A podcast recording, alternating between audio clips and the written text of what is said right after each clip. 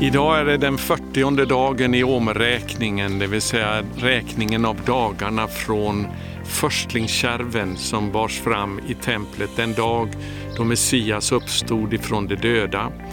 Eh, och nu 40 dagar senare så befinner jag mig här på Oljeberget öster om Jerusalem och i bakgrunden så ser ni eh, upp Himmelsfärdskyrkan, den traditionella platsen där Messias upptogs till himmelen. Och jag vill läsa några texter här nu ifrån den här händelsen som inträffade alltså för eh, nästan 2000 år sedan exakt nu eh, efter uppståndelsen. Och vi ska läsa först ifrån Lukas kapitel 24. Jag läser ifrån vers 50. Sedan förde han dem ut till Betania det är den ni ser i bakgrunden här nu på Oljeberget. Och han lyfte sina händer och välsignade dem. Och medan han välsignade dem skildes han från dem och blev upptagen till himlen. De tillbad honom och vände tillbaka till Jerusalem i stor glädje och det var alltid i templet och prisade Gud. Jag ska gå till Apostlagärningarnas första kapitel också och eh, se hur Lukas eh, framställer det där ifrån det första kapitlet och ifrån vers 6. När de nu var samlade frågade honom, Herre, är tiden nu inne för dig att upprätta riket åt Israel? Med andra ord så var de samlade här på Oljeberget vid Betania. Det är själva toppen, höjdkullen utav Oljeberget. Han svarade dem, det är inte er sak att veta vilka tider eller stunder som Fadern i sin makt har fastställt, men när den heliga Ande kommer över er ska ni få kraft och bli mina vittnen i Jerusalem och i hela Judeen och Samarien och ända till jordens yttersta gräns. Det inkluderar Skandinavien det och Sverige. Då han hade sagt detta såg de hur han lyftes upp och ett moln tog honom ur deras åsyn. Medan de såg mot himlen dit han for upp, se, då stod två män i vita kläder hos dem. Och de sa, ni män från Galileen, varför står ni och ser mot himlen? Denne Jesus som har blivit upptagen från er till himlen, han ska komma igen på samma sätt som ni har sett honom fara upp till himlen. Då vände de tillbaka till Jerusalem från det berg som kallas Oljeberget och som ligger nära staden en sabbatsväg därifrån. Och när de kom dit gick de upp till det rum i övre våningen där de brukade uppehålla sig, Petrus, Johannes, Jakob, Andreas, Filippus, Thomas, Bartolomeus, Matteus, Jakob, Alfeus son, Simon Ivraren och Judas, Jakobs son. Alla dessa höll endräktigt ut i bön tillsammans med några kvinnor, bland dem Jesu mor Maria och vidare hans bröder. Så den här 40 dagen nu i räkningen av dagarna från uppståndelsen så var det som Messias togs upp till himlen. Och det skedde här på Oljeberget, kanske just i bakgrunden av det du ser här nu med spiran på himmelsfärdskyrkan här på Oljeberget. Och sedan så vände lärjungarna tillbaka till Jerusalem och de befann sig i den övre salen där de höll ut i endräktig bön.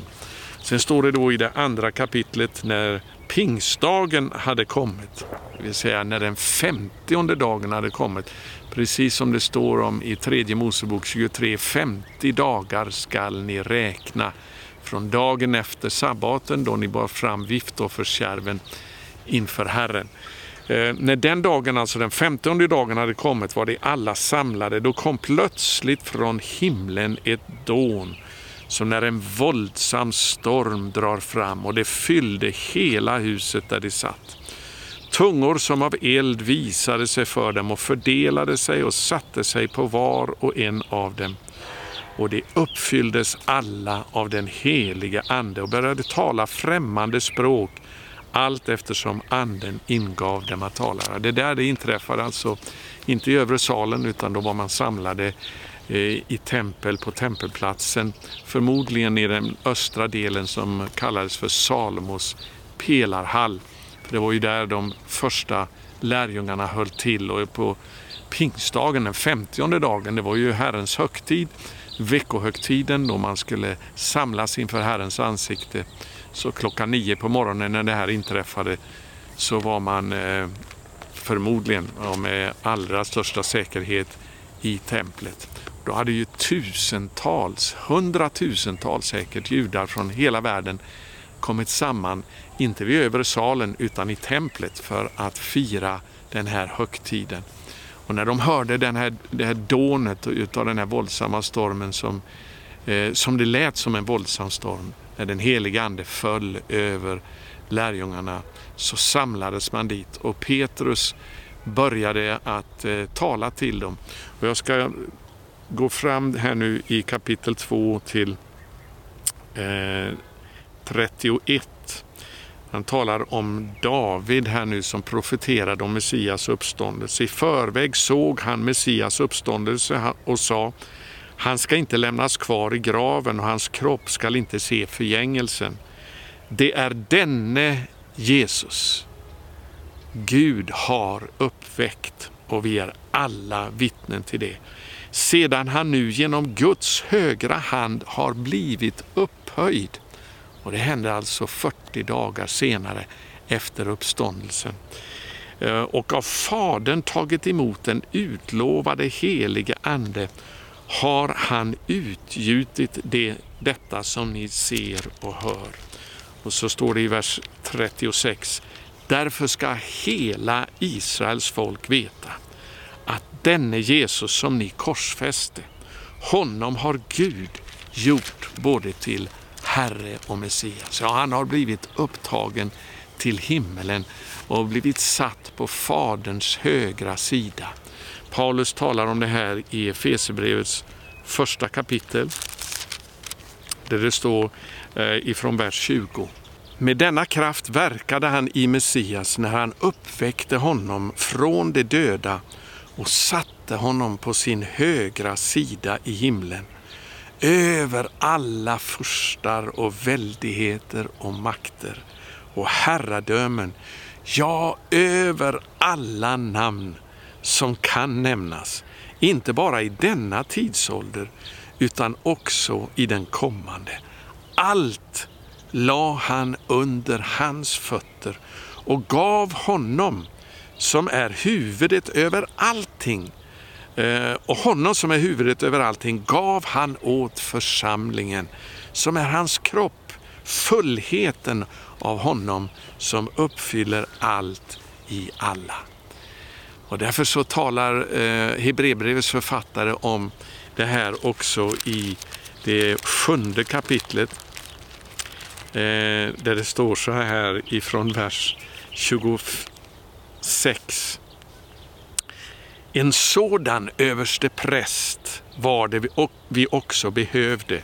En som är helig, oskyldig, obefläckad, skild från syndare och upphöjd över himlarna. Han är huvudet, vi är kroppen och det var över den här kroppen, hans kropp, som den heliga ande föll tio dagar senare efter uthållig bön. Därför han hade mottagit den heliga ande utav Fadern och utgönt den över sin församling. Och vi har ju blivit uppväckta med honom och satta med honom i den himmelska världen. Och nu ska vi gå in i bön det här året Eh, under de här tio dagarna nu som återstår fram till veckohögtiden, den femtionde dagen, eller som det kallas i kristen tradition för pingstdagen. Gud vill ge oss en ny pingst igen över hela världen och speciellt ber vi det om nu ett genombrott av den helige Ande i Sverige. Jag tackar er var och en som är med i den här bönen för att be om en ny kraft att komma över Kristi kropp, över Messias kropp i Sverige. Där vi kommer att få eh, utrustas med den helige Andes gåvor till att eh, förkunna evangeliet och också göra eh, alla folk till lärjungar, det vill säga även det svenska folket ska bli lärjungar. För tusen år sedan så kom ju evangeliet för första gången till våra breddgrader i Norden. Och då bröt evangeliet fram och förvandlade Sverige och de nordiska länderna ifrån eh, asadyrkan till att bli kristna nationer. Eh, men vi har sett ju under de senaste generationerna, eh, speciellt den sista generationen nu här, hur avfallet har blivit så utbrett i Sverige. Men nu är det dags att vända på det här, att be i uthållig bön tills vi får se den helige Ande falla över oss igen. Tänk vad som hände med lärjungarna under de här 50 dagarna ifrån uppståndelsen. De var totalt misslyckade på första dagen i åmerräkningen som det ju kallas ifrån eh, den eh, judiska eh, traditionen. Därför att förstlingskärven kallas för åmern och så räknar man då dagarna ifrån den här första kärven som är en bild på uppståndelsen av Messias från de döda enligt Paulus i första Korinthierbrevet 15. Så den första dagen i den här räkningen utav åmern så var man instängda bakom låsta dörrar, livrädda, eh, förtvivlade, splittrade, uppgivna. Men 50 dagar senare så fylldes man med den heliga Andes kraft och predikade på den första eh, dagen, alltså eh, när evangeliet då förkunnades i den heliga Andes kraft, så att 3000 människor tog emot evangeliet. Det blev en förstlingsskörd ifrån det judiska folket som sedan spred det här evangeliet ut över hela världen.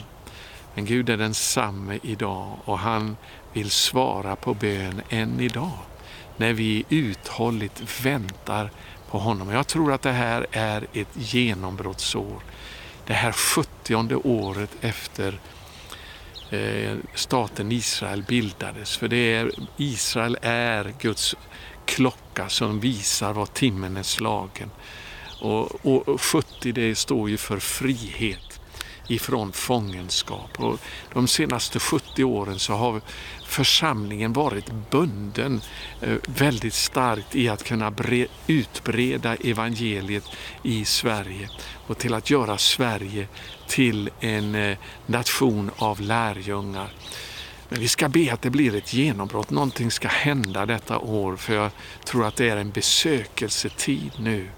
Det står att eh, vi ska söka Herren medan han låter sig finnas. Åkalla honom medan han är nära. Och han är nära nu, eh, för han vill lyssna till våra böner när vi längtar ivrigt efter honom. Det var ju så att när Daniel upptäckte det här löftet om 70 år som skulle gå av fångenskap så eh, började han ju hänge sig till ivrig bön med fasta i säck och aska. Därför det här löftet i Jeremia, det är ju också kopplat, vi ska läsa om det i Jeremia 29. Eh, det är ju kopplat till också då att vi ska söka Herren eh, på ett speciellt sätt. Det står så här eh, ifrån vers 10 i Jeremia kapitel 29. Ty säger Herren, när 70 år har gått för Babel är det antikristliga systemet som är symboliserat med Babylon. Eh, ska jag ta mig an er och uppfylla mitt löfte att föra er tillbaka till denna plats. Jag tänker på Sverige, vi har varit under ett antikristligt system i 70 år. Och Det är dags nu för Gud att bryta den här fångenskapen och föra oss tillbaka till det som vi hade för 70 år sedan i vårt land. Då en bibellärare som Derek Prince menade på att han hade aldrig varit i ett land i hela världen där Guds närvaro var så starkt utgjuten att man till och med kunde uppleva den bara genom att gå på gatorna i Sverige. Men han bevittnade hur Sverige föll så djupt, så snabbt. Han sa att han aldrig sett någon nation falla så djupt, så snabbt som vad Sverige gjorde bara på 20 år när han kom tillbaka 20 år senare. Han var där 1948 och upplevde Guds närvaro. 20 år senare kom han tillbaka och Sverige var helt annorlunda. Och sen dess har det ju bara gått ut för bara värre och värre. Men nu ska vi tro vänner att det här är ett genombrottsår. Efter 70 år så ska vi få se en befrielse för vår nation ifrån denna ogudaktiga, ateistiska demon, andefurste, som har eh, förlamat Kristi kropp i Sverige. Men vi har ju blivit givna det namn som är över alla andra namn. Och vi har blivit satta i den himmelska världen tillsammans med honom. För att vi ska regera tillsammans med honom. Men låt mig nu fortsätta att läsa här om de här 70 åren. Alltså. Det måste vara det här som Daniel fick syn på när han började hänge sig så ivrigt åt bön och fasta så att han till och med riskerade sitt liv. För vi vet att det här skedde samtidigt som skrivelsen sattes upp eh, om att alla som bad till någon annan än konungen under 30 dagar skulle kastas till lejonen. Men Daniel tvekade inte en sekund. Så, så fort han såg den där skrivelsen så fortsatte han att bedja. Därför han hade gripits av det här ordet. När 70 år har gått för Babel ska jag ta mig an er och uppfylla mitt löfte och föra er tillbaka till denna plats. Jag vet vilka tankar jag har för er, säger Herren, nämligen fridens tankar och inte ofärdens, för att ge er en framtid och ett hopp. Vi ska tro om detta för Sverige, vänner. Ni ska kalla på mig, och här är nu förutsättningen för detta då. Ni ska kalla på mig och komma och be till mig och jag ska höra er. Ni ska söka mig och ni skall också finna mig om ni söker mig av hela ert hjärta. Ty jag skall låta er finna mig, säger Herren. Jag skall göra slut på er fångenskap och samla er från alla de folk och alla de orter dit jag har drivit bort er, säger Herren. Jag ska låta er komma tillbaka till denna plats vilken jag förde er bort, er bort som fångar. Jag tar det här andligt, att vi ska föras tillbaka, inte bara till det som fanns för 70 år sedan i Sverige, utan Gud vill upprätta oss tillbaka på den sanna grunden som lades här i Jerusalem, i Sion, grundstenen och det som hände på pingstdagen här i Jerusalem. Det är det evangeliet som ska skaka Sveriges nation igen. Om vi söker honom med hela vårt hjärta så skall vi finna honom. Jag prisar Gud för den här bönerörelsen nu, Sverige 714, som Herren har rest upp. Och jag vet det är många andra också nu som ber i Sverige. Jag prisar Gud för varenda en utav dem. Jag tackar Gud speciellt för de har gensvar, som har gensvarat på det upprop som jag har gått ut med på grund av det tilltal jag fick den 12 januari i år på morgonen om den oerhört allvarliga situation som Sverige befinner sig i nu. Det är ett, en vågskål och det här 70 året är ju det som är så allvarligt nu sista dagen på det här 70 året av Israels eh, tillblivelse 1948 kommer att inträffa på valdagen den 9 september i år. När den eh, eh, dagen är över och solen går ner och valet är över i Sverige så börjar det som eh, kallas i Bibeln för basunhögtiden som också kallas för domens dag. Och det inleder de tio dagarna av bävan på Herrens kalender och det är då som förmodligen nästa regering i Sverige kommer att bildas eh, eh, eh, utifrån det val som har hållits då den 9 september. Det är så exakt profetiskt. Och enligt judisk tradition så på besunhögtiden öppnas tre böcker i himlen. Den första boken är Livets bok där alla står uppskrivna som har omvänt sig till Gud och gjort upp sin synd med honom. De blir skrivna, är skrivna i Livets bok. Det andra är Dödens bok, det är de skrivna som har förhärdat sina hjärtan ifrån att de inte längre kan omvända sig. Så att de inte längre kan omvända sig. Men så finns det en tredje bok som man, eh, det är eh, de som inte har omvänt sig men ännu inte förhärdat sig. De har tio dagar på sig fram till försoningsdagen.